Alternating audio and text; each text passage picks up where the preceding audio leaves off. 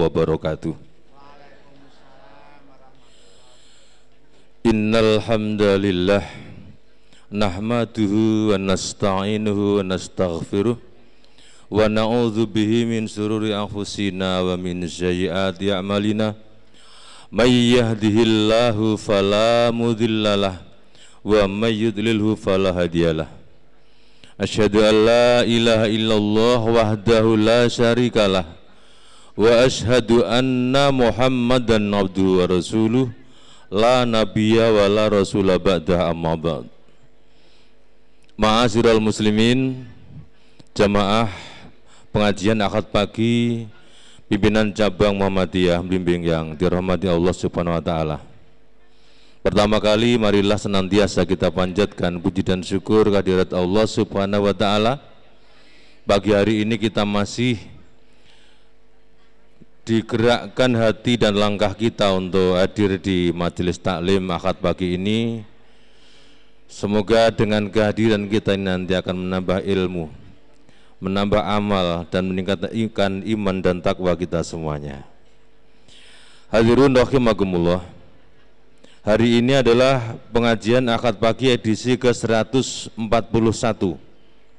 yang dilaksanakan pada hari Ahad 11 Jumadil Ula 1441 Hijriah bertepatan dengan 5 Januari 2020.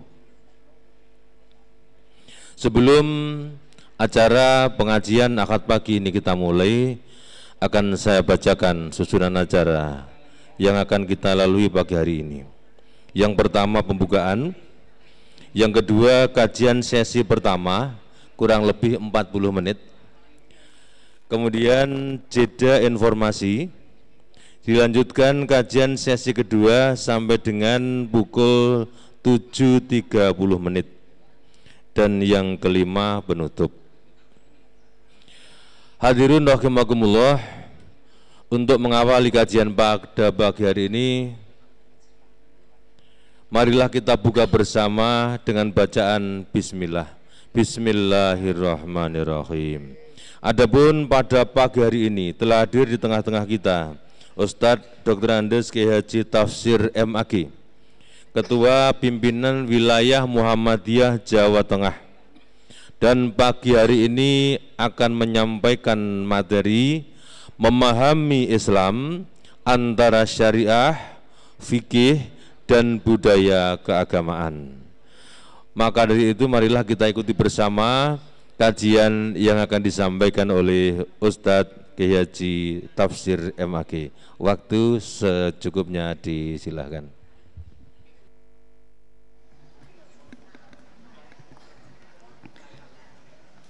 Assalamualaikum warahmatullahi wabarakatuh.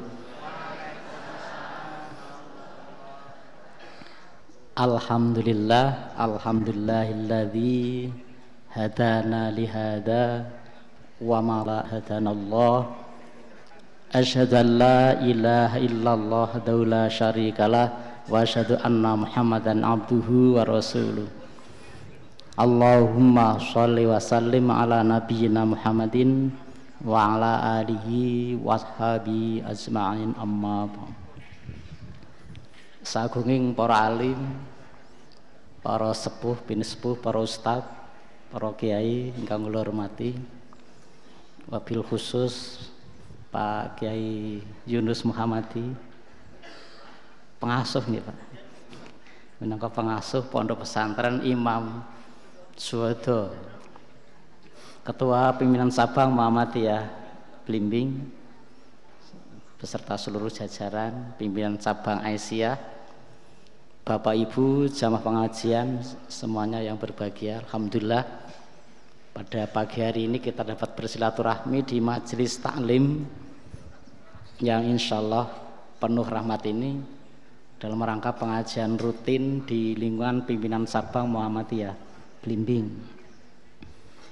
Salawat dan salam selalu kita sanjungkan kepada Nabi Sar Muhammad Sallallahu Alaihi Wasallam yang selalu kita jadikan sebagai uswah hasanah dalam kehidupan kita sehari-hari. Bapak Ibu yang saya hormati, panitia memberi saya Pak Tafsir temanya apa gitu. Ya, temanya itu. Tapi nek ngelihat ini mbah-mbah ini berat ini temanya. Kabotan nek teman.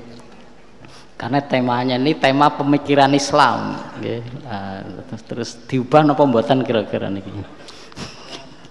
Nggih, mboten usah diubah nggih. Tetap mawon tapi bahasanya kalau ubah ben sederhana. Karena ini yang banyak ini kayaknya ada ibu-ibu yang sepuh ini. Bapak-bapak juga. Nah, nanti kalau saya beri materi terlalu ilmiah malah terlalu berat. Ibu-ibu. Ibu-ibu wonten ibu-ibu wonten sing gadis-gadis. Nek pengawasan bedane ibu-ibu kali mbah-mbah ibu-ibu kali gadis-gadis napa Bu? Bedanya yang dibawa. Kalau yang mbah-mbah ibu-ibu yang dibawa balsem. Kalau gadis-gadis yang dibawa parfum parfum HP Bapak Ibu hormati, kenapa saya menyampaikan tema pengajian memahami Islam antara syariah, fikih, kalian budaya keagamaan. Kadang-kadang umat boten saged mbedakake pundi ingkang syariah, pundi ingkang fikih, pundi ingkang budaya agama. Sehingga Bapak Ibu berdebat orang barbar, berdebat mboten barbar. Tur nganggep nek wis pemikiran itu dianggap syariah. Padahal beda antara syariah kalian fikih. Kula tak takon kali ibu-ibu nek ibu-ibu mangsane Idul Fitri bapak-bapak Idul Fitri jenengan zakat fitrah napa mboten? Zakat fitrah ingkang dipun wedalaken zakat fitrah napa jenengan? Beras nopo arto? Beras. Kula tak takon teng dalil Quran hadis wonten napa mboten beras? Nah wonten napa mboten beras? Mboten wonten. Jenengan zakat fitrah beras pinten jumlahe? Dua setengah kilogram. Wonten dalilin napa mboten ora ana nggih ana kok dalil beras mboten wonten Ora ana kok dalil rong kilo setengah mboten wonten nggih. Dadi jenengan benjang wonten swarga ampun sirta kali Kanjeng Nabi. Lho, nah jenengan teng swarga sareng Kanjeng Nabi terus Kanjeng Nabi takon, "Lho jenengan iso bareng nang swarga bareng aku?" Nggih Kanjeng Nabi kula rajin zakat. Napa zakate? Beras. Nabi takon opo beras iku? beras ki opo? Nabi mboten nate zakat fitrah kanthi beras. Terus piro berase? Rong kilo setengah kanjeng Nabi. Nabi takon meneh opo meneh kuwi rong kilo apa meneh kuwi rong kilo setengah. Nggih. Mboten mboten dalil rong kilo setengah, mboten wonten. Hadise ngaten bunyine. Bismillahirrahmanirrahim. Faradha Rasulullah sallallahu alaihi wasallam zakat fitri. Sya'am min tamrin sya'am min sa'irin mangke wonten hadis liyane bunyine sya'am min zabib sampun mertuake sapa Kanjeng Rasul Muhammad sallallahu alaihi wasallam zakat fitri ing zakat fitri menapa sya'am min tamrin setunggal sok kurma? Sya'amin sa'irin setunggal sok gandum. Sya'amin zabib setunggal sok anggur. Wonten apa buatan beras? Buatan wonten. Ana naik kurma gandum kalian anggur. Nah ibu mbejang zakat fitrah jenengan bayar zakat fitrah kanti anggur angsal apa buatan bapak-bapak bejang zakat fitrah anggur angsan apa mboten? Wong dalile jelas kok. Dalile malah jelas tapi ku anggur. Beras malah ora ono nggih nggih. Jadi jenengan nekat anggur angsal mboten? Angsal wong dalile jelas mukur panitiane bingung. Lah ketika syariah kemudian dipahami munggai ulama sesuai dengan tempatnya masing-masing itu yang namanya fikih. Maka fikih adalah pemahaman ulama terhadap syariah. Jenenge fikih pramila umat Islam syariah podo tetapi fikih bisa beda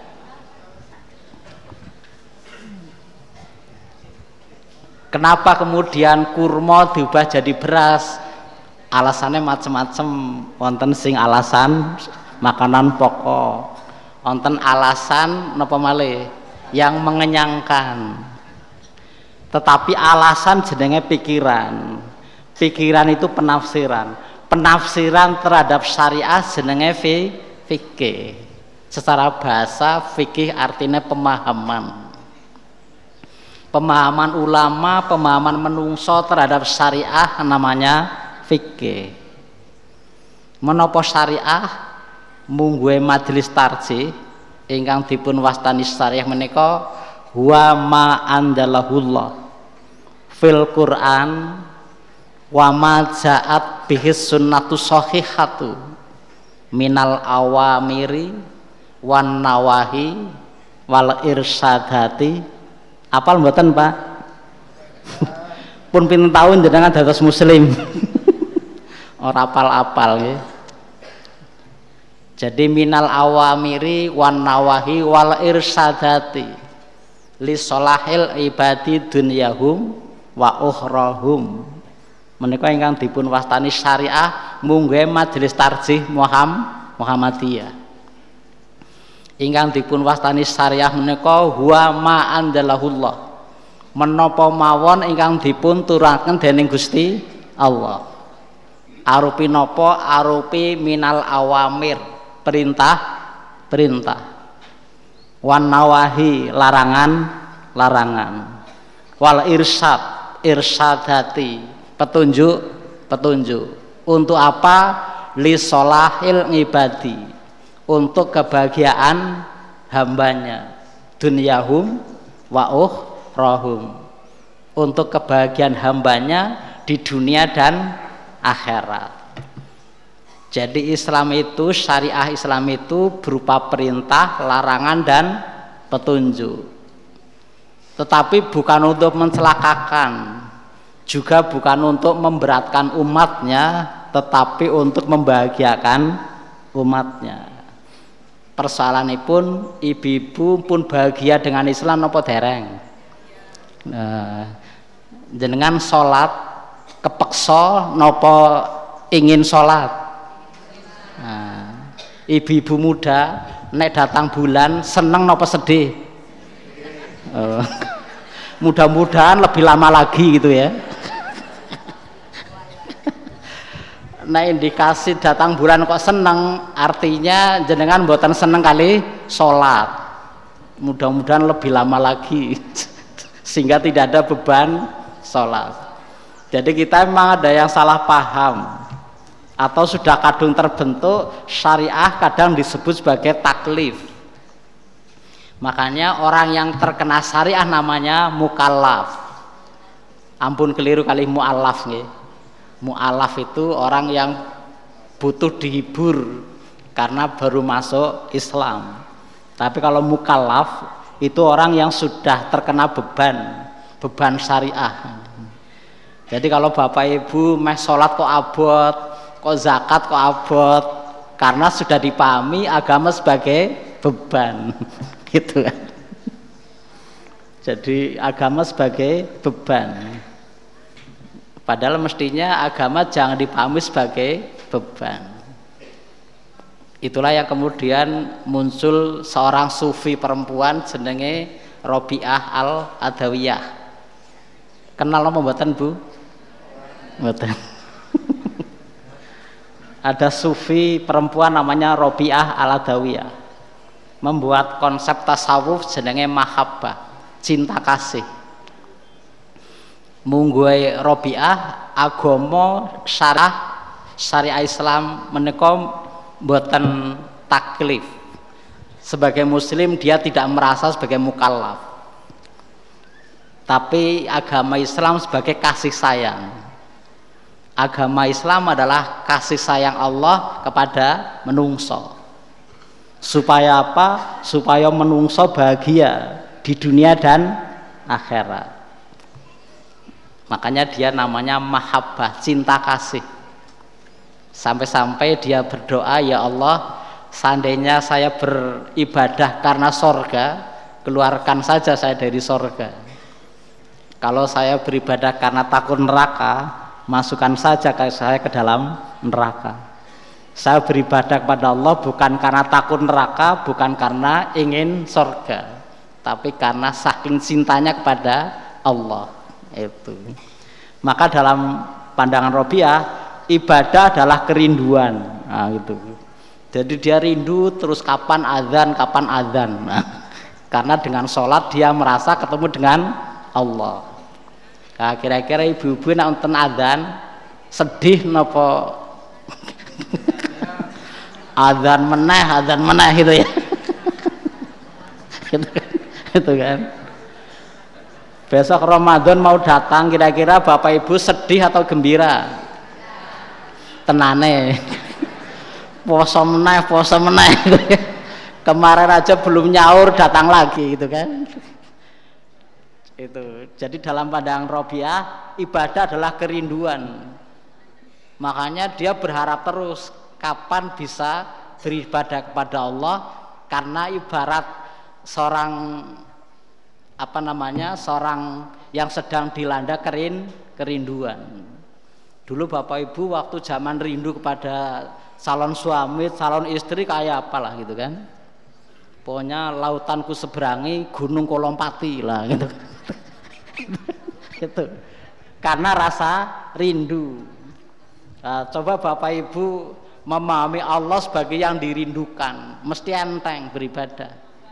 Tapi karena sholat dipahami beban, sholat menjadi berat. Itulah maka dia membuat konsep nanya mahabbah, cinta kasih. Bahwa agama Islam itu adalah kasih Allah kepada menungso supaya menungso bahagia di dunia dan akhirat.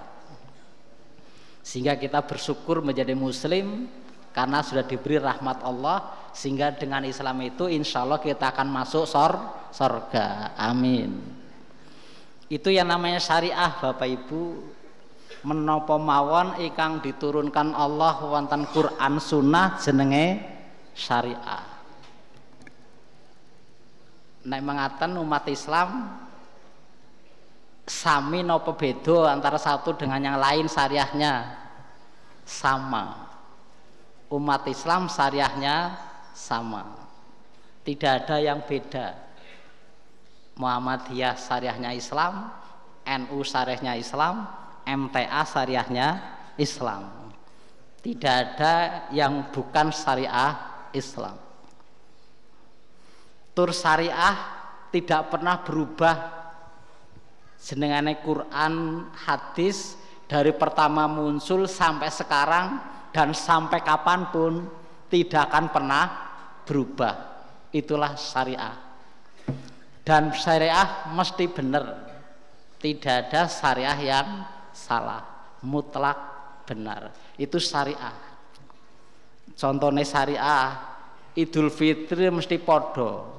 Orang idul fitri beda. Semua sepakat idul fitri mesti satu sawal. Ono apa wonten? Pendapat dua sawal. Buatan wonten tidak ada yang mengatakan idul fitri dua sawal nggak ada semua ulama sepakat Idul Fitri mesti satu Sawal itu syariah. Tapi bagaimana menentukan satu Sawal itu bukan lagi syariah, tetapi fikih. Maka hasilnya bisa beda. Yang satu menyatakan satu Sawal Rabu, yang satu menyatakan Kamis. Masa satu sawal dua kali? Tidak mungkin satu sawal dua kali. Tapi itulah yang terjadi. Sering kita bersatu sawal dua kali. Kenapa? Karena cara memahaminya be beda. Untung kemarin kita beberapa kali sama. Kenapa sama, kenapa beda? Ada rumusnya. Jadi satu sawal sepakat semua tidak ada beda pendapat. Itulah syariah. Idul Fitri mesti satu sawal. Tapi bagaimana menentukan satu sawal itu fikih. Karena fikih hasilnya bisa beda. Yang satu Rabu, satu Kamis. Kenapa kok bisa beda? Gampang jawabannya karena bulan tidak bisa ngomong. Nah, itu, karena bulan tidak bisa ngomong. Kalau bulan bisa ngomong rampung kabeh. Ditambah tim ru'yatul hilal kemenak itu bapak-bapak semua. Mestinya kan ibu-ibu. Karena dia yang tahu persis kapan datang bulan. Nah, tapi kan semuanya bapak-bapak. Kenapa beda? Karena Bapak Ibu perlu pahami sampai sekarang umat Islam belum sepakat tentang pengertian tanggal satu. Sederhana kan ya. Idul Fitri harus satu Sawal, Ramadan kita puasa harus mulai tanggal satu Ramadan. Tapi apa tanggal satu belum ketemu sampai sekarang ibu-ibu, bapak-bapak. Sederhana ya. 15 abad loh umat Islam tiap tahun musyawarah kumpul membuat rumusan apa tanggal satu nggak pernah ketemu. Padahal sudah tiap tahun kumpul ulama membuat kesatuan kalender Islam. Tapi hasilnya satu kita sepakat dalam perbedaan. Nah itu. Tiap tahun hasilnya kita sepakat dalam perbedaan. Tanggal satu hanya kompak di kalangan PNS. Apa tanggal satu? Gajian. Nah, kompak. Tapi ulama belum kompak tentang apa tanggal satu. Itulah namanya fikih. Maka umat Islam syariahnya podo. Tapi begitu sampai fikih kita akan bermacam-macam. Kenapa? Karena cara memahaminya beda. Misalnya memahami tanggal satu dalam paham pemahaman Muhammadiyah tanggal satu adalah wujudul hilal. Begitu hilal wujud wujud itu ada muncul berapapun derajatnya. Kalau itu sudah se-Indonesia namanya tanggal satu. Jadi asal hilal. Hilal ngertos nggih Bu? Nopo hilal Napa hilal?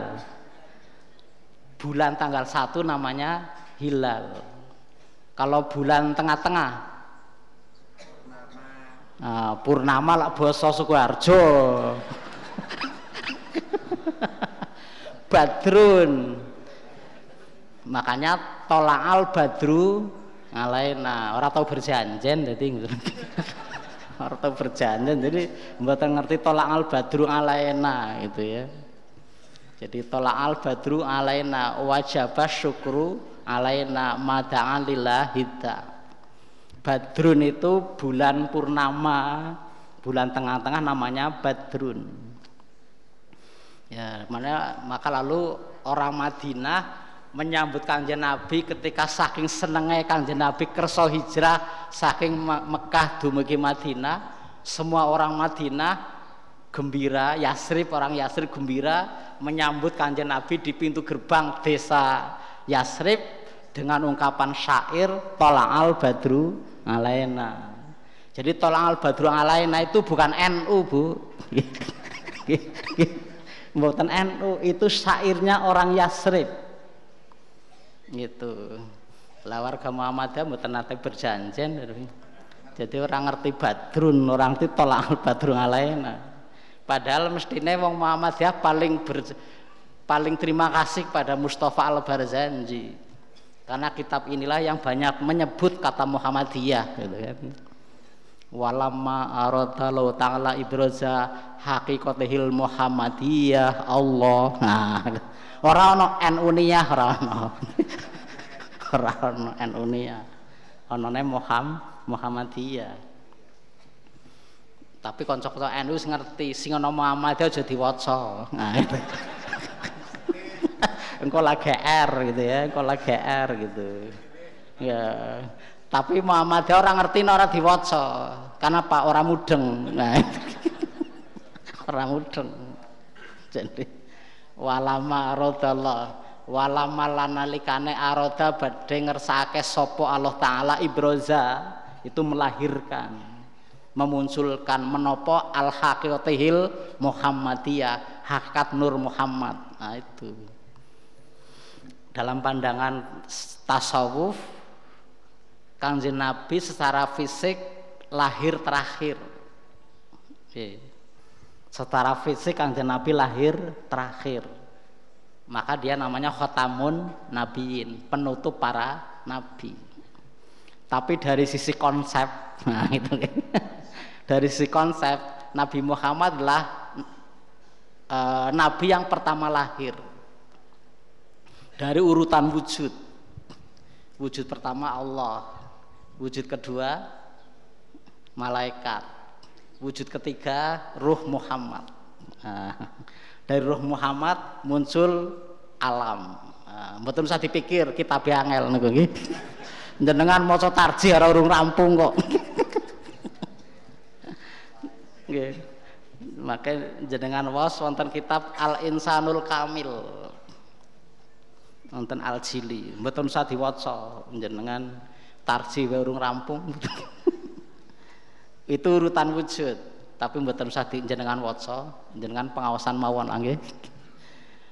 Itu jadi dalam pandangan di situ kanjeng Nabi boleh lahir terakhir secara fisik tapi dari si konsep Nabi adalah Nabi pertama sebelum yang lain wujud. Makanya walama aradallahu ta'ala ibrozah hakikatihil Muhammadiyah. Nah, itu itu di apa namanya syair Barzanji gitu.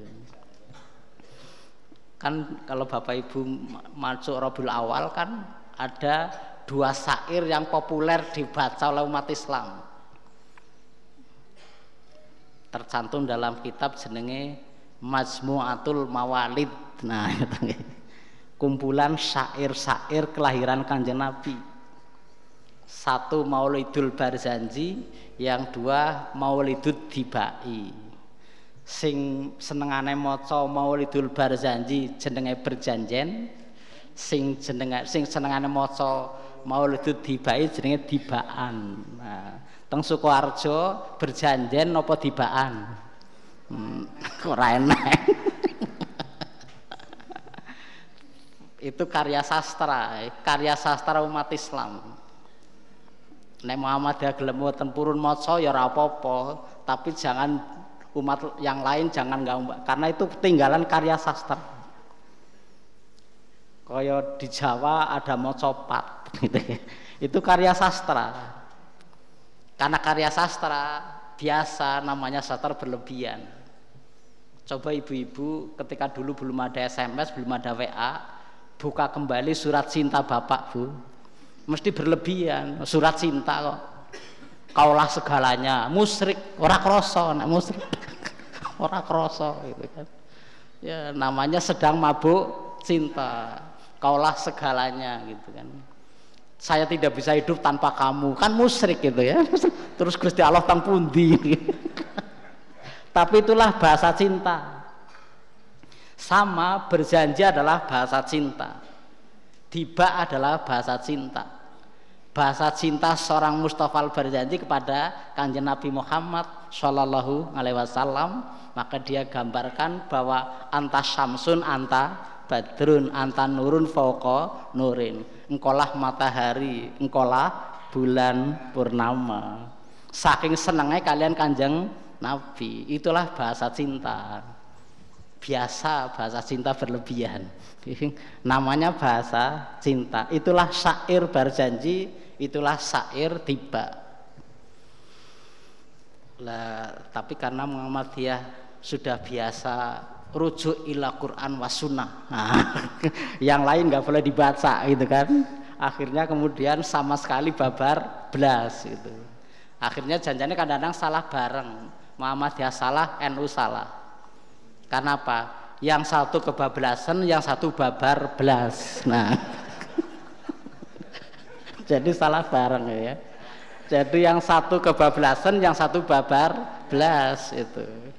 Yang satu kebablasan karena apa? Berlebihan. Rolas dino, tanggal siji ngantek tanggal rolas, tiap malam berjanjian.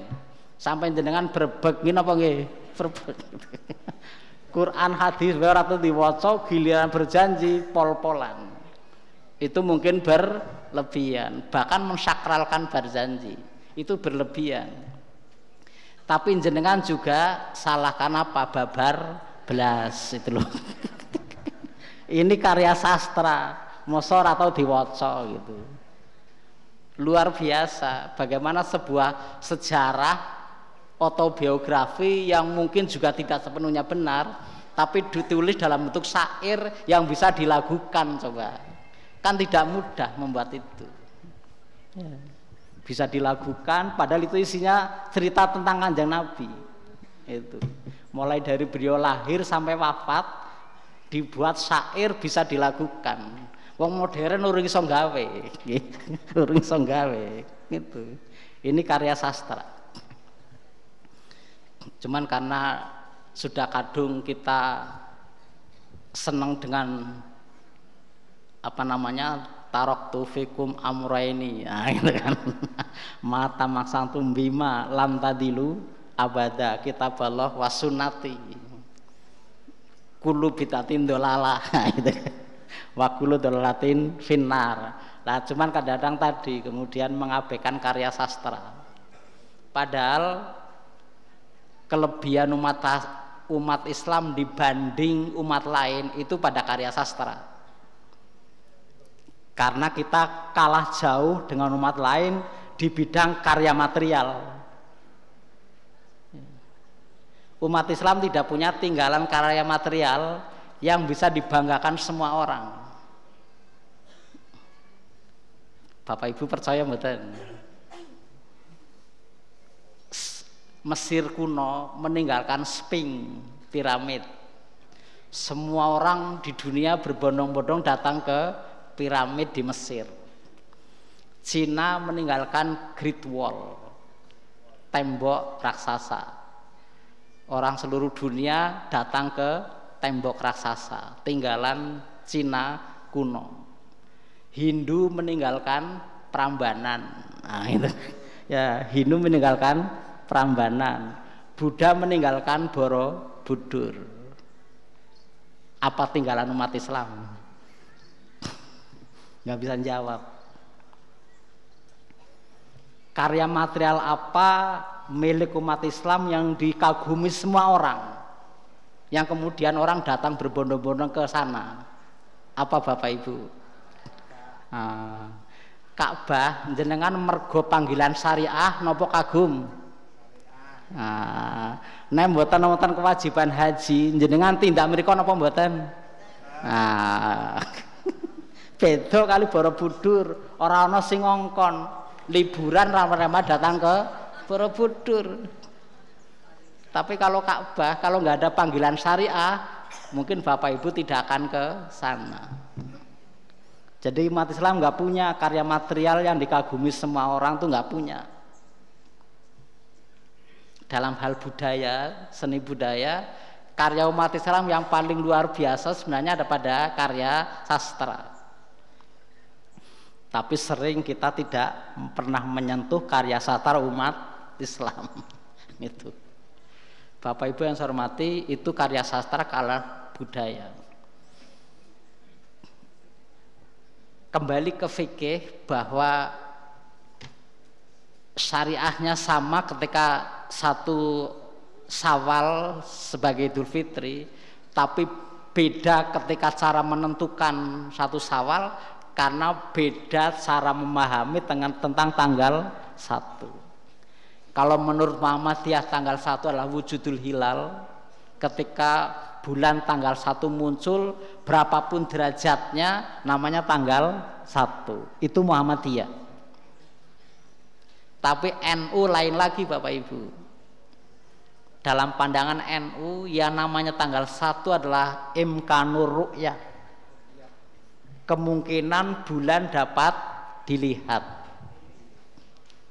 Coba mana yang benar Bapak Ibu tanggal 1? Bulan muncul di atas ufuk atau bulan dapat dilihat? Mana yang benar tanggal 1? bulan muncul di atas ufuk atau bulan dapat dilihat nah gitu kan sama-sama tidak tahu karena bulan tidak bisa ngomong tadi ya itu sampai sekarang belum bisa ditemukan dua pendapat itu apakah bulan dapat dilihat atau bulan muncul di mana kita beda karena tidak semua bulan muncul dapat dilihat. Itu persoalannya. Tidak semua bulan muncul di atas ufuk bisa dilihat dengan mata kepala. Itulah titik perbedaan. Makanya kadang-kadang sama, kadang-kadang beda. Kapan sama, kapan beda? Sama ketika bulan rendah sekalian atau tinggi sekalian itu pasti kita sama jadi terendah sekalian atau tinggi sekalian itu sama tapi tanggung itu yang kita beda berapa tanggung di bawah dua derajat misalnya 1,5 derajat atau satu derajat Munggue Muhammadiyah satu derajat sudah tanggal satu. Tapi munggue NU tidak ada bulan tanggal satu dapat dilihat dengan alat secanggih apa pun. Coba, okay.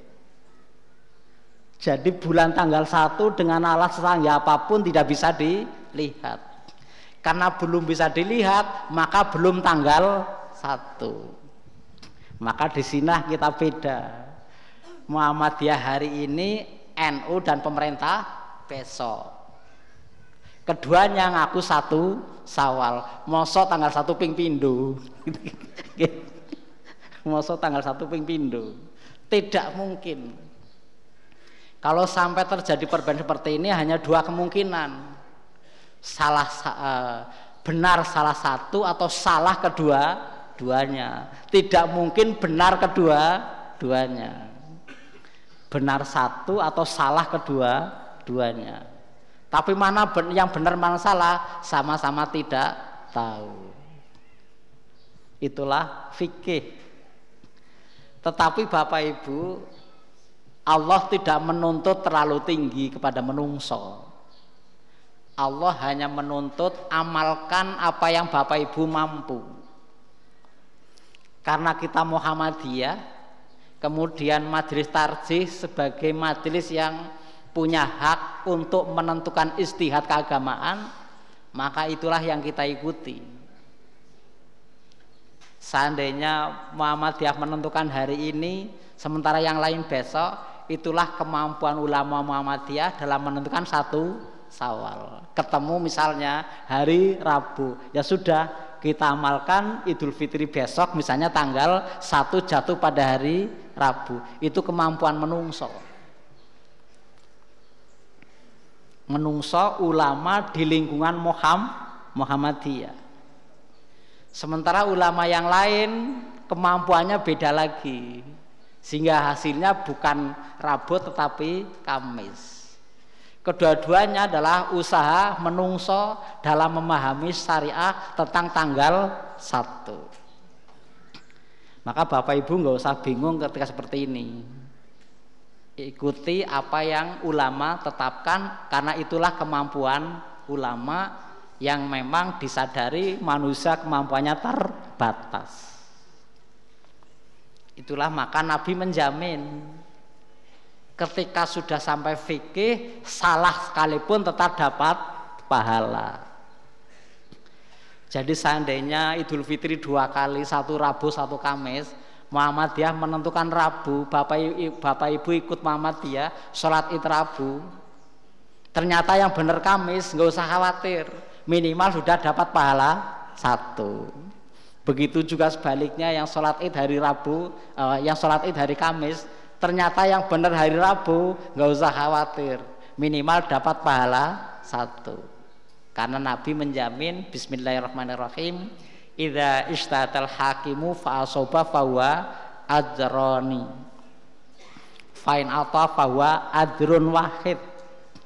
Nalika ono ulama beristihad Istihad ngertos nggih artinya ya Istihad itu bersungguh-sungguh berpikir untuk mengambil keputusan hukum jenenge istihad. Ketika hasil istihad benar pahalanya dua ketika salah pahalanya satu. Nah, itulah fikih. Jadi bapak ibu tidak usah bingung ikuti apa yang telah ditetapkan oleh ulama sekalipun berbeda itulah untungnya ada Muhammadiyah ada NU ada yang lain-lain seperti itu biar bapak ibu jelas dalam beribadah saya Muhammadiyah jelas kapan mulai Ramadan, kapan mulai Idul, kapan kita beridul Fitri. Jelas. Lah tapi Pak Tafsir saya NU ya bukan, Muhammadiyah ya bukan, MTA ya bukan.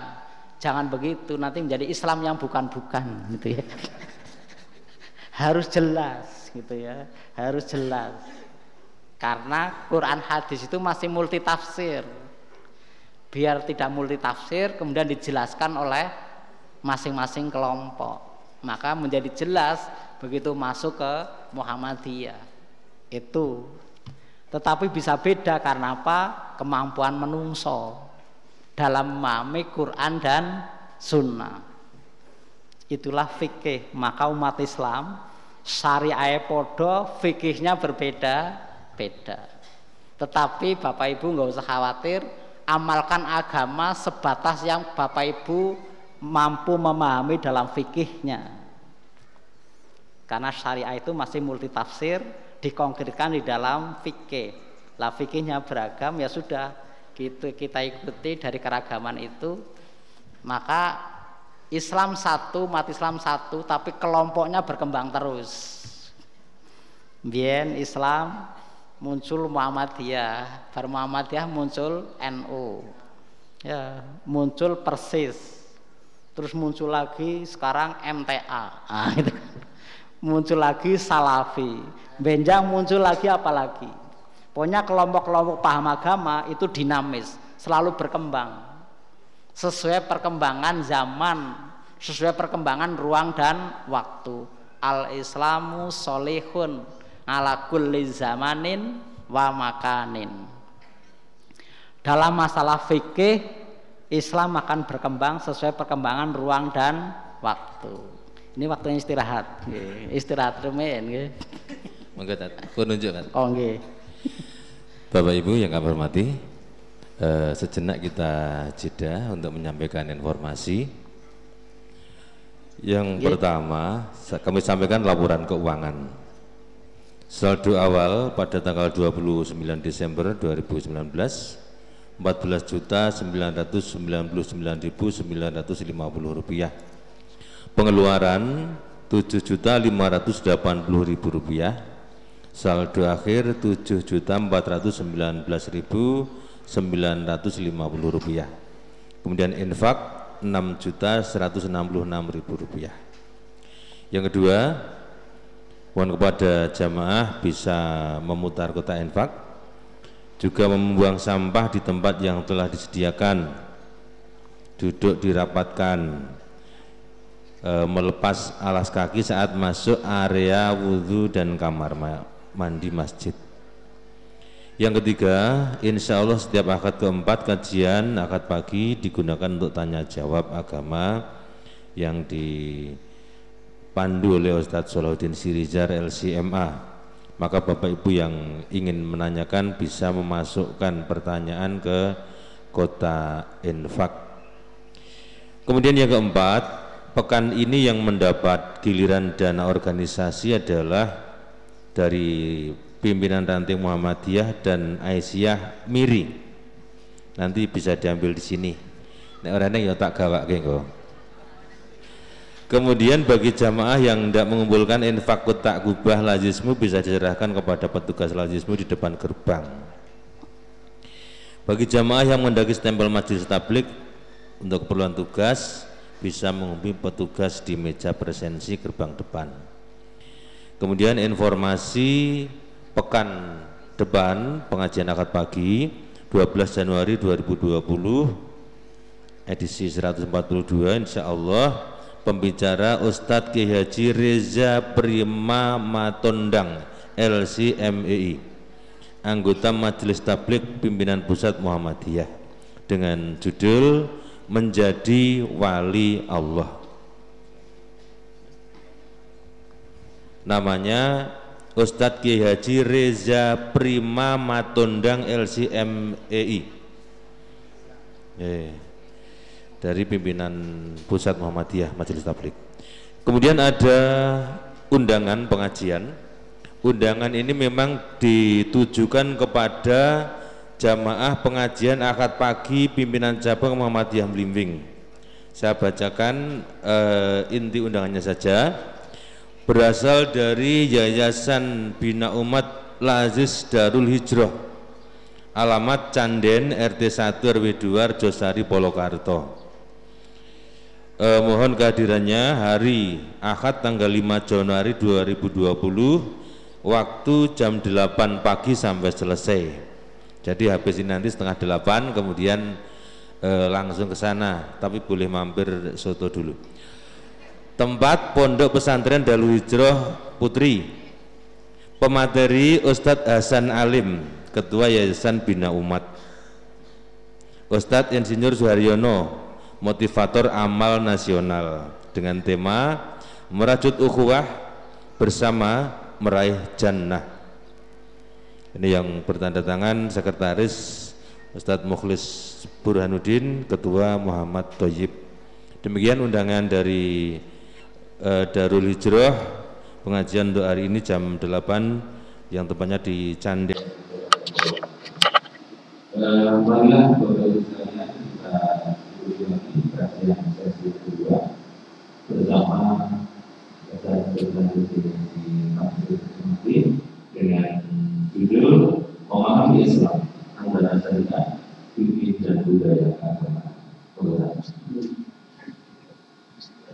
Soal itu dihadirkan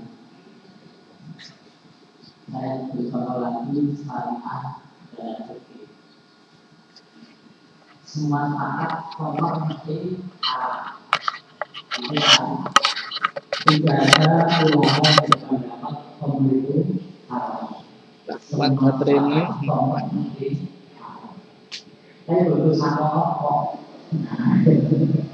Begitu sama pokok tidak beda sama satu dengan yang mungkin masih mana yang haram mungkin ulama juga mungkin ada ulama itu namanya makro mana yang benar makro mau haram mungkin ulama dia haram tapi tidak kata rokok jalur nah kontennya kata kom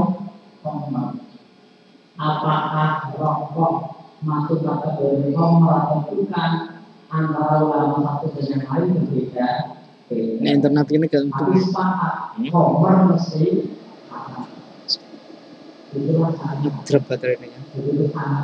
Itu mikir Karena tidak ada kata rokok di dalam Al-Quran adanya kom kom Apakah rokok masuk kom atau bukan Lalu antara ulama buat kriteria antara satu yang lain berbeda beda. Itu. Maka haram menurut Muhammadiyah, makruh menurut NU.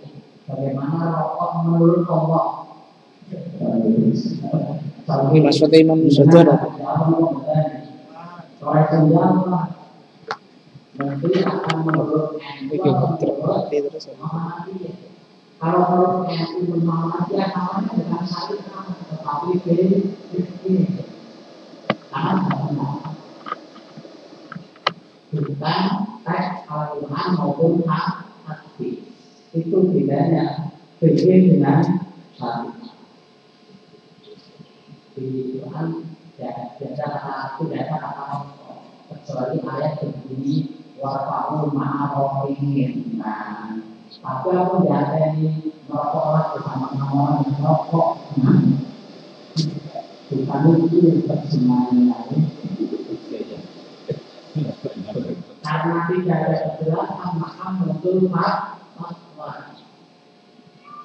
Maka keharaman rokok itu bukan pada level syariat, tapi level fatwa. Jadi yang mengharapkan rokok itu fatwa. Kalau Quran masih multi tafsir. Cuma Bapak Ibu fatwa tidak bisa meminta. Fatwa tidak bisa memaksa. Fatwa Muhammad yang tinggi itu harus momen sing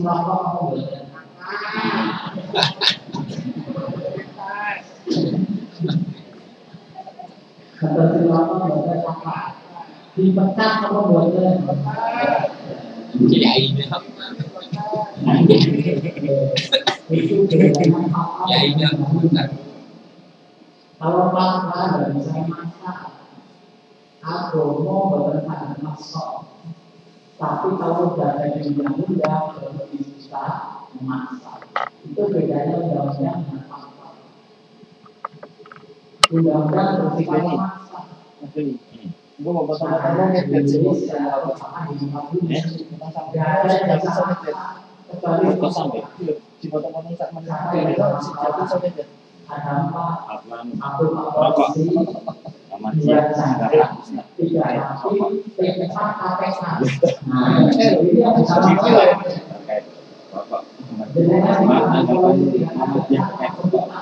Dengan udah berpotong-potongan dulu.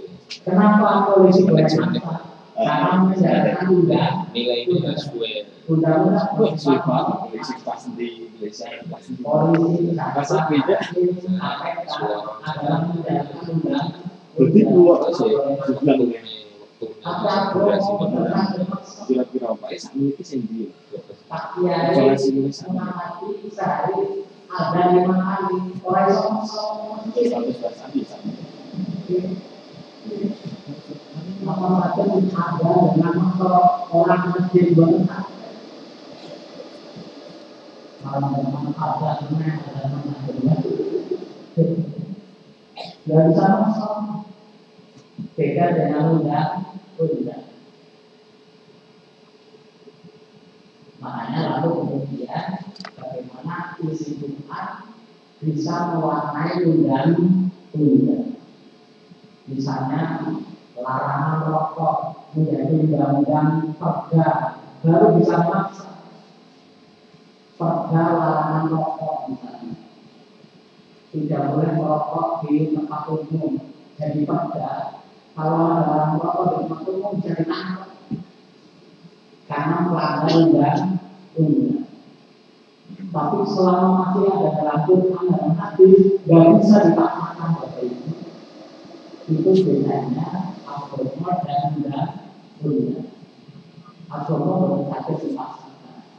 Agama sepenuhnya pakai lakon agama sepenuhnya kesadaran maka Bapak Ibu setiap pagi suruh pengajian kalau dan sadar nah terus pengajian pendapat pagi sadar-sadar juga tapi tetap agama boleh saja undang-undang baru bisa memaksa. Maka undang-undang mengikat semua orang, baik yang setuju maupun tidak setuju. Itu undang-undang. Tapi kalau agama boleh saja, agama tidak bisa dipaksakan. Ibu yang hormati, itulah fikir. Semua sepakat komar mesti haram. Tapi sampai rokok, kita berbeda semua sepakat terlibat mesti ya saya ketahuan tapi begitu sampai dengan kita beda pendapat. Jika tidak ada sepakat tidak ada ulama tentang bunga maka lalu muncul fatwa tentang bunga karena buku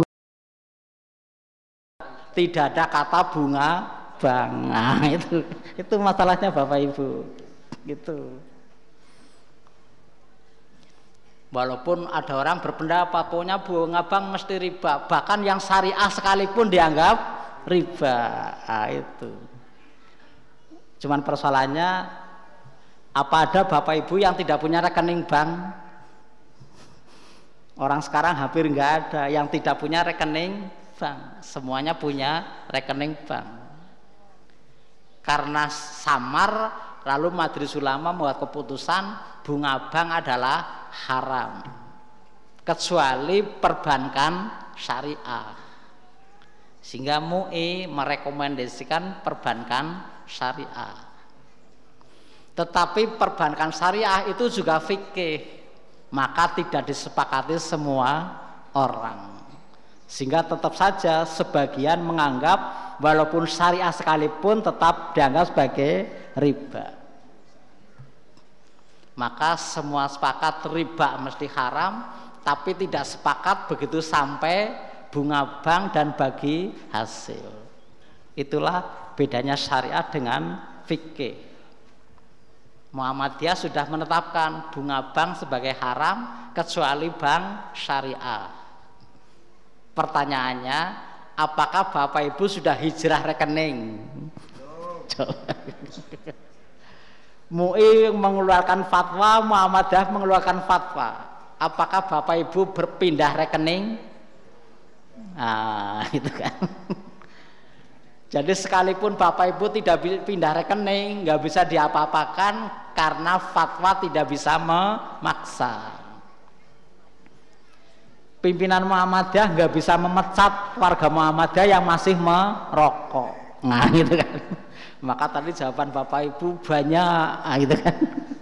Tapi tidak bisa dipecat karena fatwa tidak bisa diberi melanggar fatwa tidak bisa diberi sanksi fatwa sepenuhnya kesadaran moral. Mau diikuti atau tidak diikuti. Maka kita sedih. Walaupun sudah ada fatwa kemudian bank syariah itu halal tetapi Bapak Ibu tidak hijrah rekening dari bank konven ke bank syariah. Makanya bank syariah nasibnya nelongso nah itu ya. ekonomi syariah ya, lembaga keuangan syariah entah itu mulai dari koperasi sampai bank dikumpulkan jadi satu sa Indonesia itu hanya 8,6 persen Bapak Ibu. Kecil banget. Hanya 8,6 persen. Terlalu kecil. Kalau hanya bank syariah entah itu BPRS maupun bank umum syariah dikumpulkan se Indonesia hanya 5,6 persen yang tiga persen itu adalah ada BMT, ada koperasi. Karena BMT itu bukan bank, Bapak Ibu. BMT itu koperasi. Karena koperasi yang awasi temannya sendiri.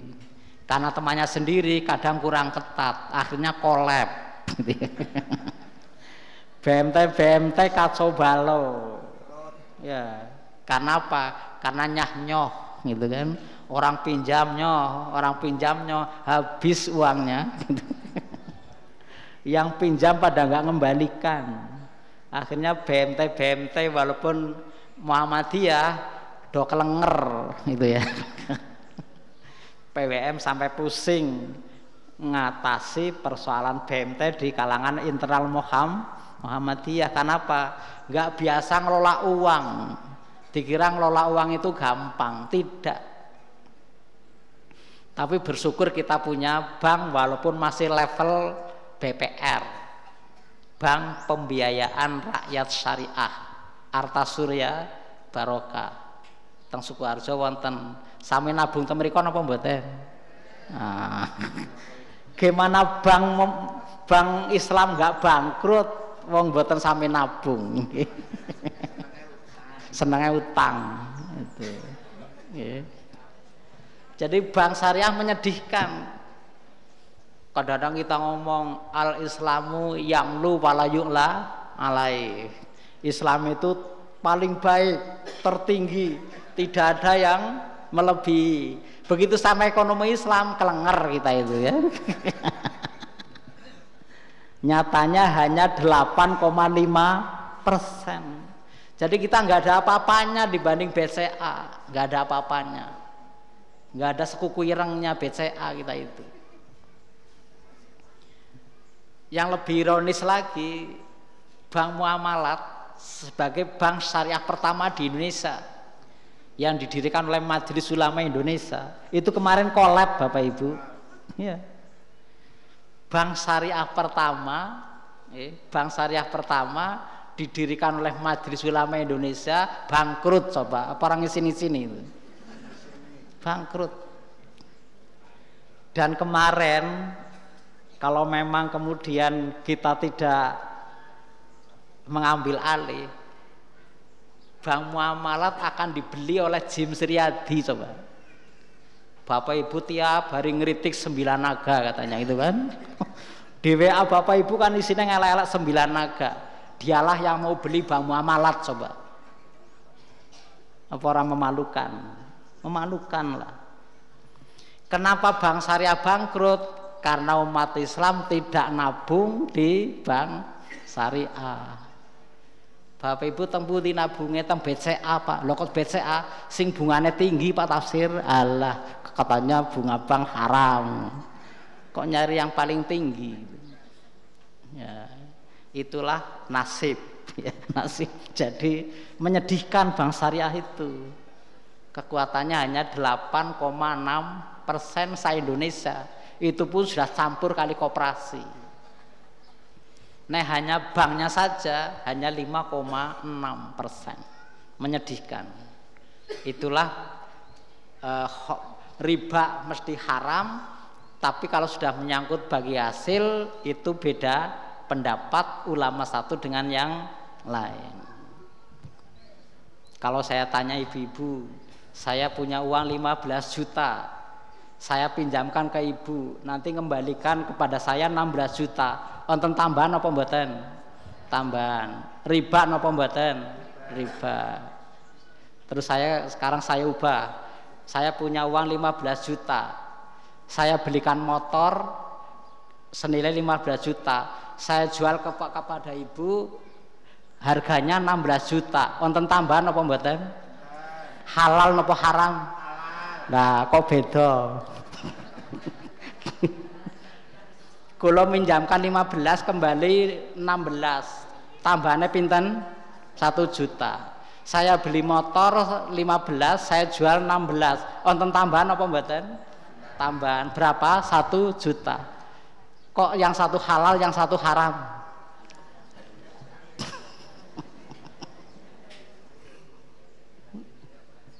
nopo bedane jual beli kalian riba itulah sama-sama tambahan. Riba ya tambahan untung juga tambahan. Nen jenengan dodolan mboten entuk tambahan untung mandek nopo terus? Nah. Jadi sama-sama tambahan. Bunga ya tambahan, untung juga tambahan. Sama-sama tambahan. Tapi yang satu tambahan bil batil dengan cara yang batil, yang satu tambahan dengan cara bil hak.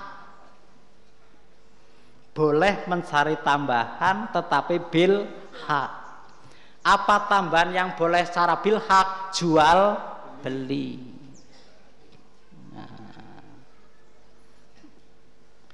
kula gadah arto 15 juta kula simpen teng bank. Bapak Ibu uang teng bank mandek nopo di, diolah? Diolah. Sing pinter ngolah uang bank nopo jenengan? Bank. Oleh bank diolah. Nek uang itu diolah oleh bank kemudian dapat untung jenengan mboten nampi setuju nopo mboten? Mboten. Ya bagi-bagi dong. Ah kan gitu kan itulah namanya bagi hasil maka di bank nanti Bapak Ibu nabung akan ditanya. Bapak Ibu nabung di sini, entah tabungan atau deposito ditanya. Bank akan izin. Apakah uang Bapak Ibu boleh kami putar? Itu nanti izin. Kalau Bapak Ibu tidak mengizinkan ya sudah. Nyimpan 15 juta kembali 15 juta. Itu. Jadi ada akadnya kalau dalam syariah. Tapi kalau Bapak Ibu saya izinkan Bapak apa bank mengolah uang saya, maka itu namanya menjadi mudoroba.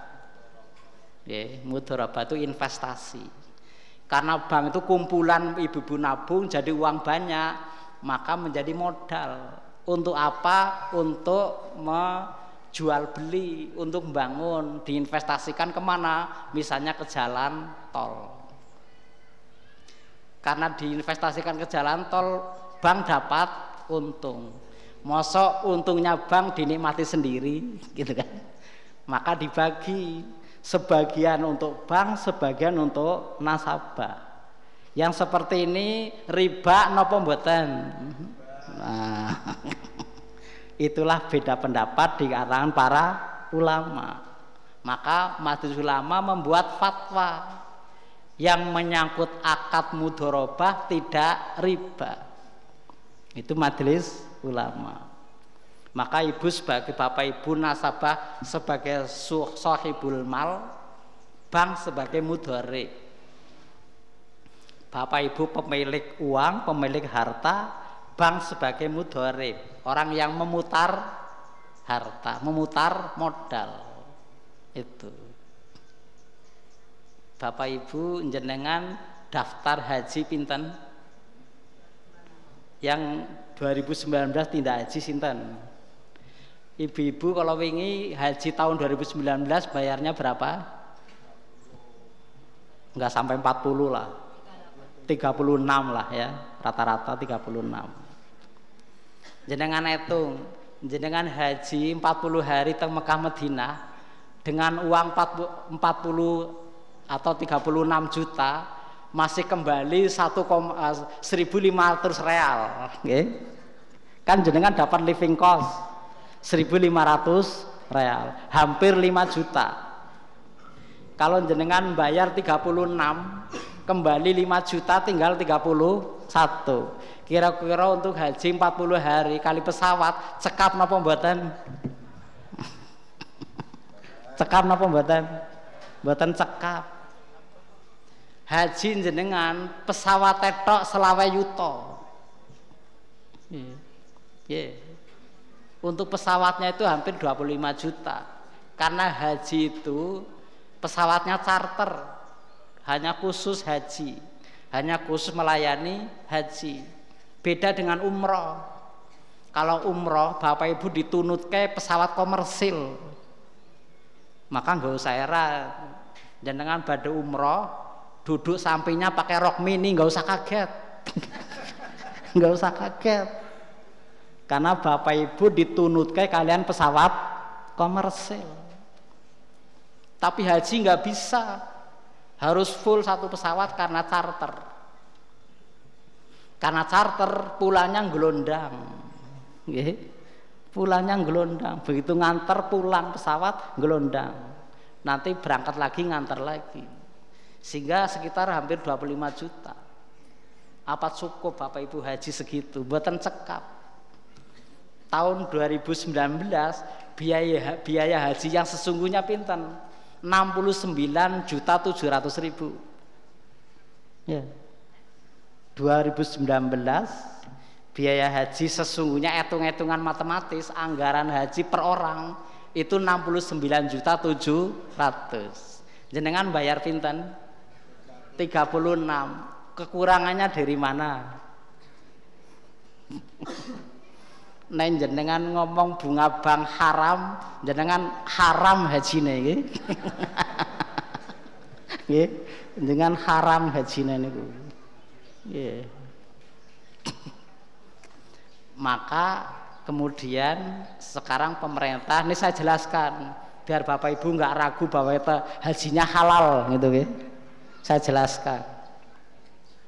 Sekarang karena ini menyangkut uang diperbankan Bapak Ibu menyangkut fikih sekarang pengelola haji namanya BPKH Badan Pengelola Keuangan Haji itu yang ngelola dana haji ketuanya Pak Anggito Abimanyu tujuh orang ditambah pengawas tujuh orang pengawas eh, BPKH Badan Pengelola Keuangan Haji uang Bapak Ibu setor 25 juta. Bapak Ibu nalika setor tanda tangan apa mboten? Tanda tangan apa Sobi? Coba itu. Bukan tanda tangan setor. Nah itu kwitansi jenenge iki. Bapak Ibu perhatian mboten nalika daftar haji untuk tanda tangan akad. Sadar napa mboten? Nah, Bapak Ibu haji itu mesti tanda tangan akad. Supaya apa? Supaya pemerintah lewat BPKH punya hak memutar uang Bapak Ibu. Maka Bapak Ibu tanda tangan akad namanya akad wakalah. Kenapa Bu? Wakalah. Apa itu artinya wakalah? Wakalah artinya akad mewakilkan. Akad memberi mandat saya pemilik dana memberikan mandat kepada pengelola keuangan haji untuk memutar uang saya, untuk mengelola uang saya. Sehingga uang haji adalah uang milik jamaah, bukan milik pemerintah, bukan milik BPKH, uang jamaah. Karena uang jamaah, maka semua menyangkut uang itu harus izin jamaah. Tapi Bapak Ibu sudah mengizinkan. Karena apa? Bapak Ibu sudah tanda tangan. Namanya akad wakalah. Dalam perbankan syariah, wakalah itu artinya mewakilkan. Saya mewakilkan kepada BPKH untuk mengelola uang saya. Tuh. Jadi Bapak Ibu buatan sangat nuntut. Tetapi BPKH bukan lembaga keuangan BPKH hanya bertugas mengelola dana haji. Yang punya hak untuk mengembangkan uang adalah perbankan. Maka lalu kerjasama antara BPKH dengan perbankan dalam hal ini perbankan syariah. Maka kemudian uang setoran Bapak Ibu terkumpul yang sedemikian banyak dikelola oleh BPKH dimasukkan ke bank-bank Bank Jateng Syariah ditempati sekian, BRI ditempati sekian, BNI Syariah ditempati sekian, bagi-bagi sekian banyak bank. Begitu uang kita kumpul ditempatkan di bank, uangnya mandek nongkrong nopo diolah? Diolah. Diinvestasikan oleh bank. Ke mana? Salah satunya berbagai macam, yang penting bisa menghasilkan keuntungan salah satunya diinvestasikan ke jalan tol jadi bukan Pak Jokowi ngambil uang haji untuk bangun jalan tol itu adalah mudoroba investasi karena investasi kemudian dapat untung untungnya dibagi sebagian untuk perbankan sebagian kembali ke bapak ibu Itulah yang kemudian Bapak Ibu yang mestinya membayar 69 juta 700 cukup membayar 36 juta. Sadar napa mboten jenengan? Itu.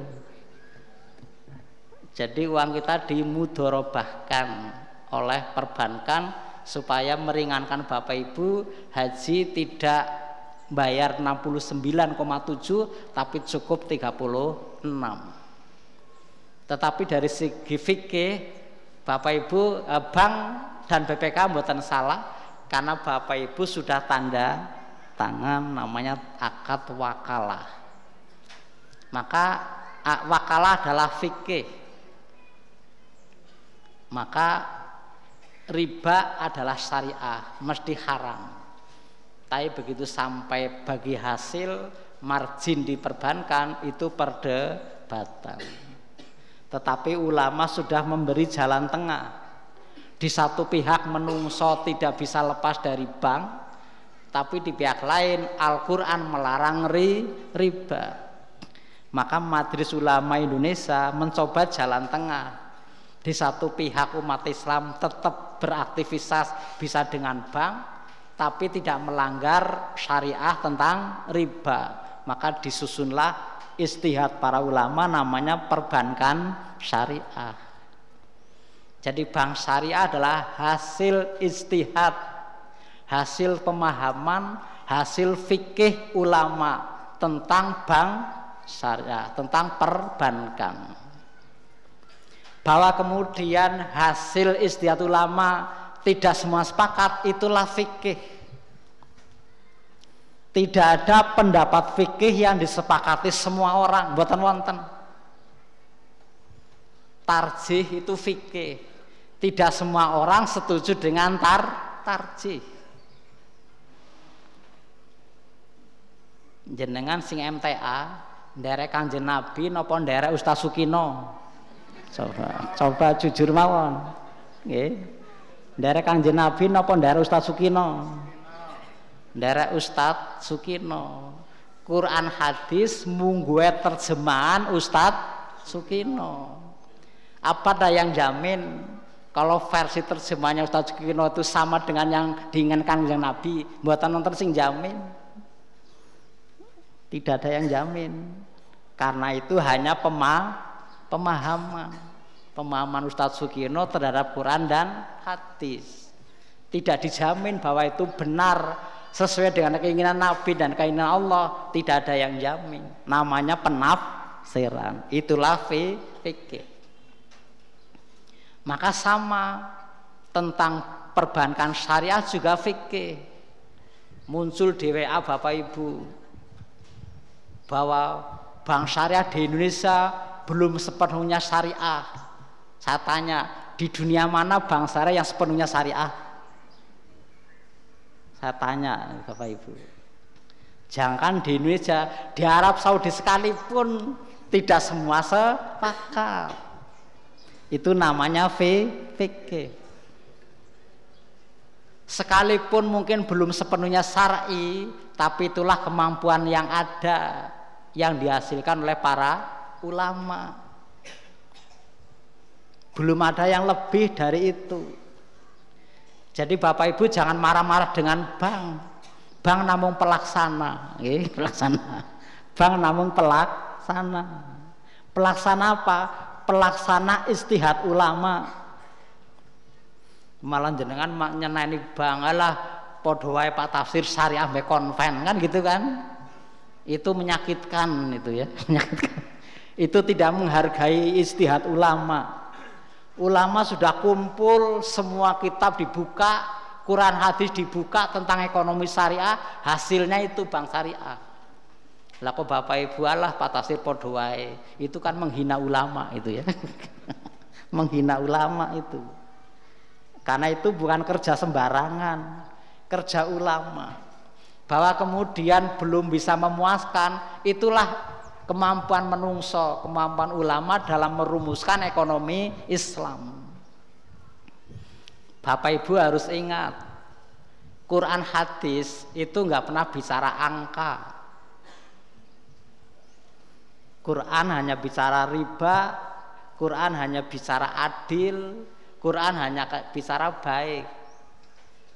Bank tidak boleh hanya bicara adil, bank tidak boleh hanya bicara baik, bank harus bicara berapa persen.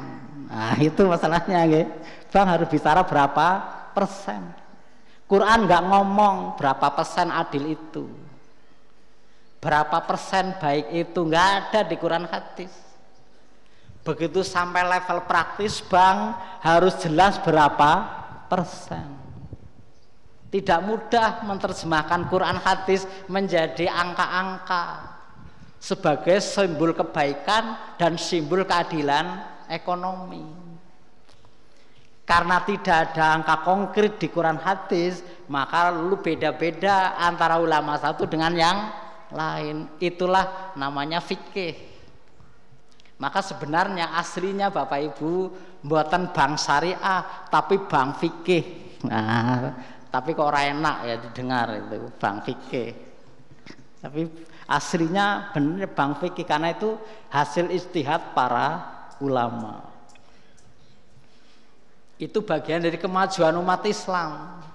Tapi sayang di antara kita bangkit tapi bukan berkemajuan tapi berkemunduran. Nah itu yang tadinya kita udah gembira ulama bisa menghasilkan karya istihad bank syariah lalu sekarang muncul gerakan namanya MTR masyarakat tanpa riba. Nah, gitu kan. Saya setuju kalau tanpa riba tapi kemudian tanpa riba diartikan tanpa bank. Membuat proyek kebun kurma tanpa bank gitu kan. Proyek kebun kurma perumahan tanpa bank perumahan syariah tanpa bank akhirnya menjadi investasi bodong. Nah itu kan. Ya. Lawang zaman sekarang kok ngabaikan bank? Mana ada? Akhirnya kita ketipu. Hanya atas nama sah, syariah. Tanpa bank tanpa sita. Akhirnya menjadi investasi bodong. Sekarang sedang ditangani OJK dan kepolisian. Karena bodongnya perumahan syariah sekarang muncul gerakan masyarakat tanpa riba. Kalau tanpa riba setuju saya. Tapi kalau kemudian tanpa riba diartikan tanpa bank, lah itu yang ya tapi itu hak mereka, ya, hak mereka. Tapi MUI tidak seperti itu. Itu namanya fikih. Maka kalau kemudian eh, belum sempurna, fikih tidak statis. Fikih itu berubah sesuai perkembangan zaman maka nanti akan diperbaiki agar bank syariah semakin sesuai sa, sa syariah. Sampai kapan? Walau alam bis sawab karena sekali lagi kalau definisi riba sederhana apa itu riba? Ariba bimakna al-ziyadah. Al-ziyadah itu anir roksil mal itu makna paling sederhana tentang riba.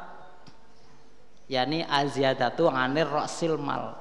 Tambahnya e, bertambahnya harta dari harta pokok.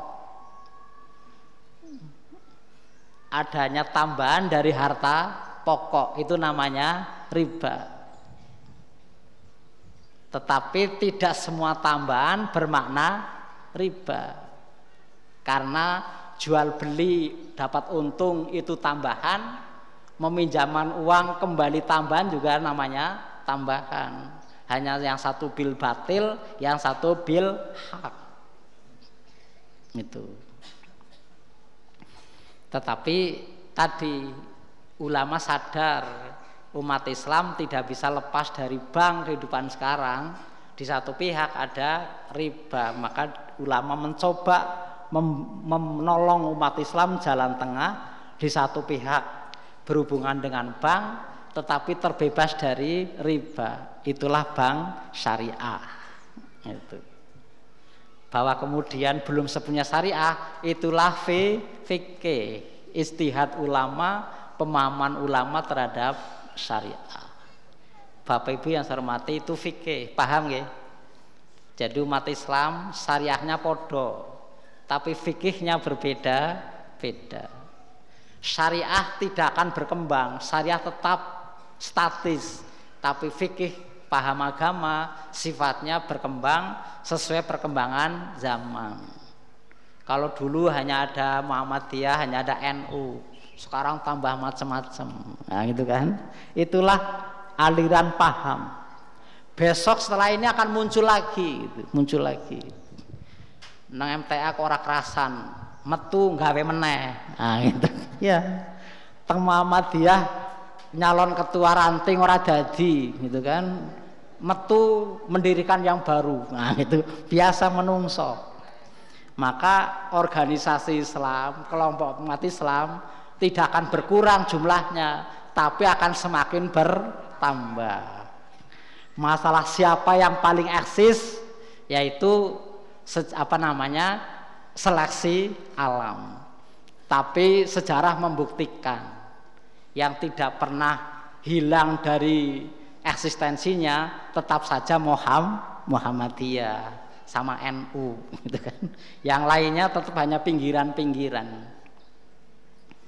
Tahun 21 lahir persis Persatuan Islam. Dulu warga Muhammadiyah resah. Wah ini lebih murni ini, lebih murni ini persis. Ini lebih Quran hadis ini persis. Ramai Muhammadiyah. Wah ini alamat warga Muhammadiyah entek pindah persis nah itu kan itu tapi sejarah membuktikan siapa yang tak berkembang persis napa Muhammadiyah Muhammadiyah persis paling ya tetap aja ada tapi nggak berkembang sekarang bapak ibu resah meneh gitu kan wah lahir MTA gitu kan Muhammadiyah pindah sampai teng MTA Muhammadiyah sampai pindah teng Salafi, LDI, bingung meneh itu kan, entek. Tapi tetap saja saya kira yang tidak kehilangan eksistensi tetaplah Muhammadiyah. Bukti apa? Itu pengajar ini pengajaran sak cabang aja sak mene gitu kan. Apa meneh sak kabupaten, lebih besar lagi gitu. ya. Jadi Bapak Ibu nggak usah khawatir dengan perkembangan pemahaman agama yang ada yang baru-baru, nggak usah khawatir. Muhammadiyah sudah mapan termasuk dalam merumuskan paham agama yang ada di majelis tarji. Sama-sama Quran hadis belum tentu sama pahamnya. Ya. Di mana bedanya?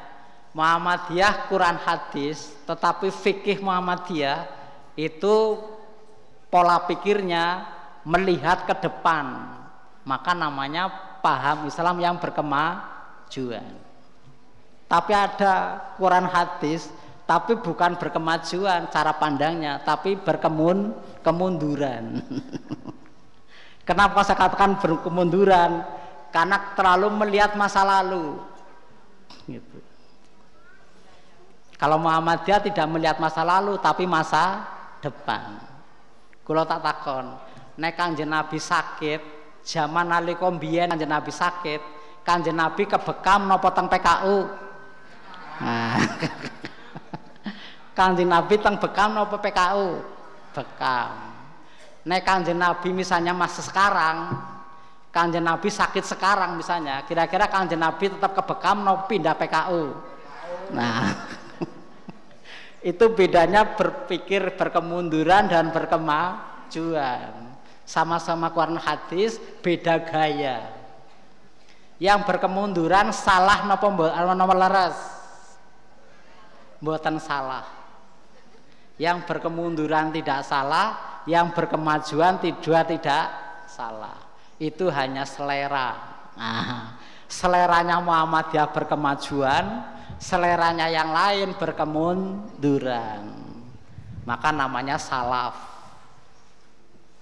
Ngertos artinya bu salaf? Salaf artinya terdahulu.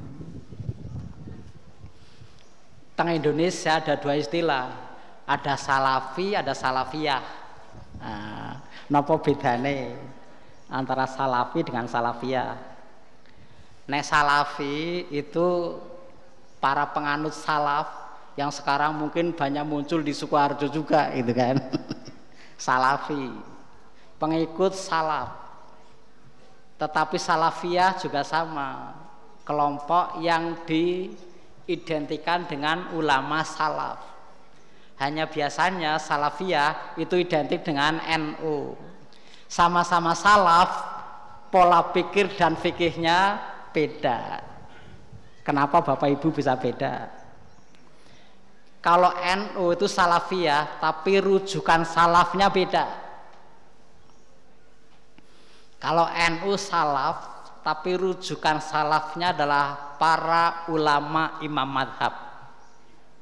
Imam Syafi'i, Imam Malik, Imam Ahmad bin Hambal, Imam Hanafi. Itu salaf. Salaf acuannya NU. Maka mereka menyatakan sebagai salafiyah karena pengikut ulama salaf, ulama terdahulu Siapa terdahulunya? Para imam madhab. Karena dalam pandangan NU tidak mungkin Imam Syafi'i dan kawan-kawan keluar dari Quran dan hadis. Itu cara pikirnya. Maka tidak ragu langsung mengacu pada madhab Imam Syafi'i.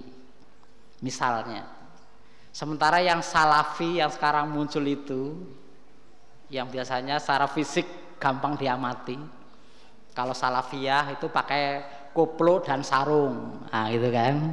Kalau yang salafi mungkin pakai gamis dan katok singkrang, nah gitu kan, gampang indikasinya.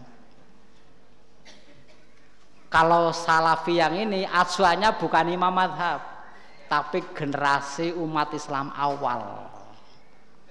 Pada masa sahabat, tabiin dan tabiit tabiin.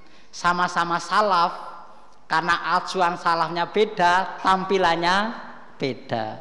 Yang satu sarungan, yang satu pakai gamis. Nah, itu kan. Mana yang bener? Bener kabeh. Sing salah sing mboten agama Islam. Mboten usah padu. Bagaimana Muhammadiyah? Muhammadiyah bukan salaf tetapi bukan menentang salaf. Muhammadiyah perpaduan antara salaf dan kholaf maka Muhammadiyah bebas madhab baik kepada ulama salaf generasi umat Islam awal maupun salaf para imam madhab. Waktu habis. Oh nggih. Oh nggih. Oh nggih. Jadi sama-sama salafus soleh tapi Muhammadiyah di samping mengikuti para ul para salafus soleh Muhammadiyah juga mengikuti pendapat ulama kontemporer makanya Muhammadiyah tidak mendirikan lembaga bekam tapi rumah sakit. Nggak pernah lah Nabi mendirikan rumah sakit bu. Apa Nabi nate mendirikan rumah sakit? Buatan nate. Tapi kenapa Muhammadiyah rumah sakit? Karena sesuai perkembangan zaman. Itu bedanya. Yang satu lari ke masa lalu yang satu lari ke masa depan.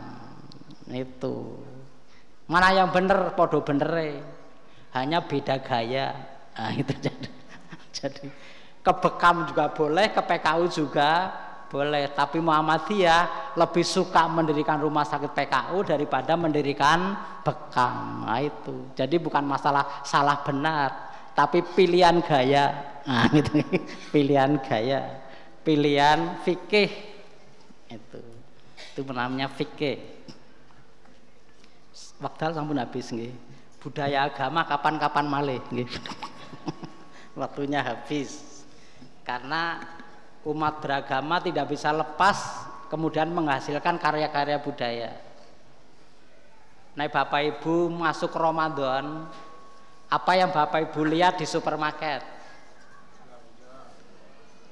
Gambar apa yang Bapak Ibu lihat di supermarket? Gambar ketupat dan beduk. Gambar kupat dan beduk. Apa no dalil kupat beduk? Di di syariah ya tidak ada kupat beduk, di fikih juga tidak ada kupat beduk. Tapi kalau Ramadan supermarket nggak ada ketupat beduk, sepi Ramadan. Dengan ketupat beduk orang jadi tahu oh ini Ramadan. Yang seperti namanya karya budaya. Dengan karya budaya Islam menjadi semarak. Bapak Ibu bayangkan kalau Islam hanya syariah, hanya fikih, Idul Fitri bar salat Id rampung. Nah, gitu. Bar salat Id rampung. Tapi karena ada kreativitas budaya, Idul Fitri sak bulan Sawal urung rampung jenengan. Ya. bahkan halal bihalal sebulan urung rampung jenengan halal bihalal mulai dari halal bihalal keluarga halal bihalal RT halal bihalal kantor halal bihalal alumni halal bihalal grup WA coba. Sekian banyaknya halal bihalal. Kalau tak takon jenengan ngonten halal bihalal tang bulan rojab angsal napa mboten? Coba. Jenengan ngontenaken halal bihalal teng wulan Rajab angsal napa mboten angsal. Ora ana syariah fikih nek halal bihalal kudu bulan Syawal ora ana. Tapi jenengan halal bihalal teng wulan Rajab sah menurut syariah sah menurut fikih mukur mboten lazim. Kalau ukurannya lazim itu namanya bukan syariah, bukan fikih, tapi budaya keagamaan. Kulo ngisi pengawasan teng mriki, nek mboten agem pesi pripun jenengan? Cawi, cawi. Kulo pengawasan teng mriki mboten agem pesi pripun jenengan? Iki kok mubalik kok gundulan gitu. mubalik kok gundulan. Kulo tak takon, napa wonten dalil kupluk mboten wonten. Ora ana dalil kupluk nggih. Ora ana. Ora ana dalil kupluk. Tapi nek kula pengaosan mboten kuplukan jenengan protes.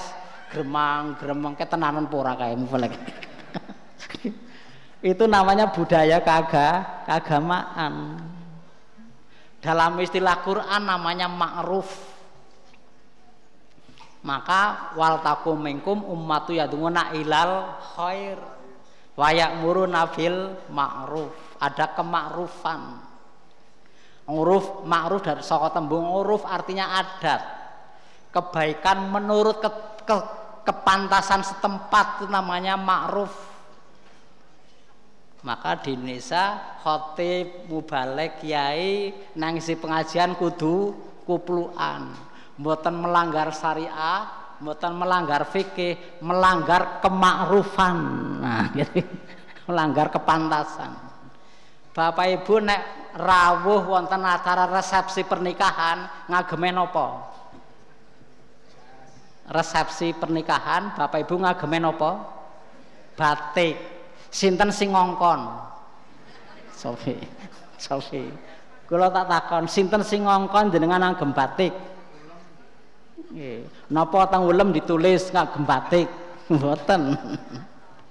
Nek jenengan ngrawuhi nikahan, resepsi, ngagem training, angsal napa mboten? Angsal. Jenengan datang resepsi nikah nganggo training, tidak melanggar hukum, tidak melanggar syariah, tidak melanggar fikih. Sah itu. Sah. Namun buatan pan pantes. Lah yang seperti namanya ma'ruf itulah budaya keagamaan atau budaya masyarakat. Manusia nggak bisa lepas dari itu. Kalau tak takon jenengan ukurannya syariah. Aurat bapak-bapak laki-laki dari mana sampai mana? Dari pusat sampai lutut. Kalau pengawasan agama mandu angsal apa mboten tapi. Tapi Kula pengawasan angge mandu angsal apa mboten? Angsal. Nggih, angsal.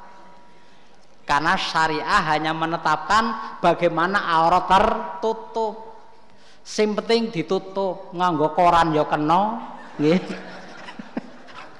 Nggih. Nganggo koran ya kena, nganggo kardus nggih, angsal.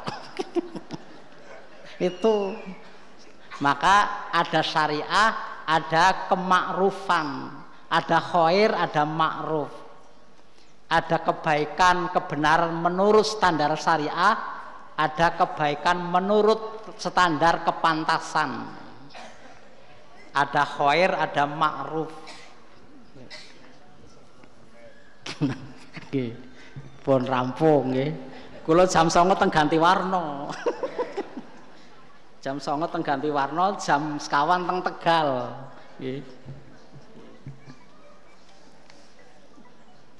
niki mun ditelepon ganti warna Bapak Ibu yang hormati Selanjutnya ada mohon doa untuk jamaah yang sedang sakit. Maka mari kita doakan untuk mereka.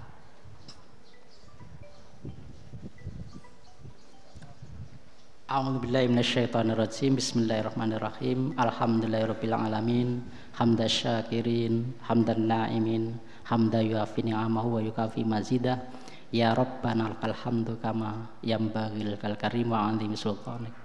Allahumma ighfir lana dzunubana wali walidina warhamhum kama rabbayana shighara wal jamil mu'minina wal mu'minat wal muslimina wal muslimat al ahya'i wal amwat rabbana dzalamna anfusana wa illam taghfir lana wa tarhamna lanakunanna minal khasirin.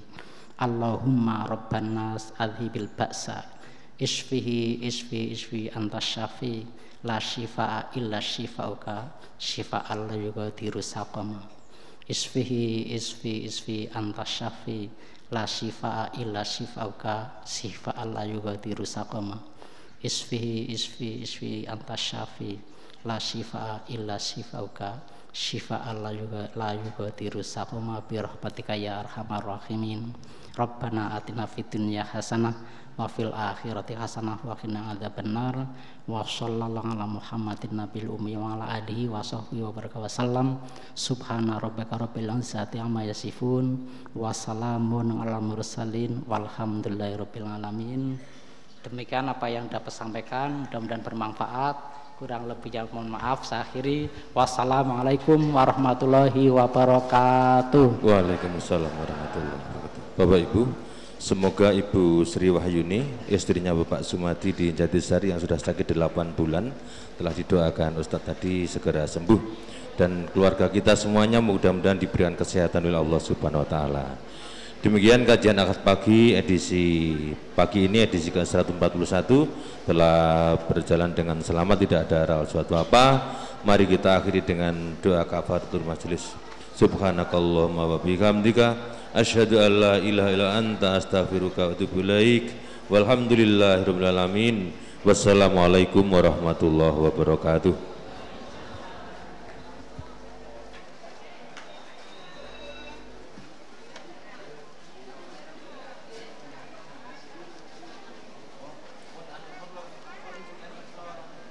Assalamualaikum warahmatullahi wabarakatuh. Yes, sami-sami.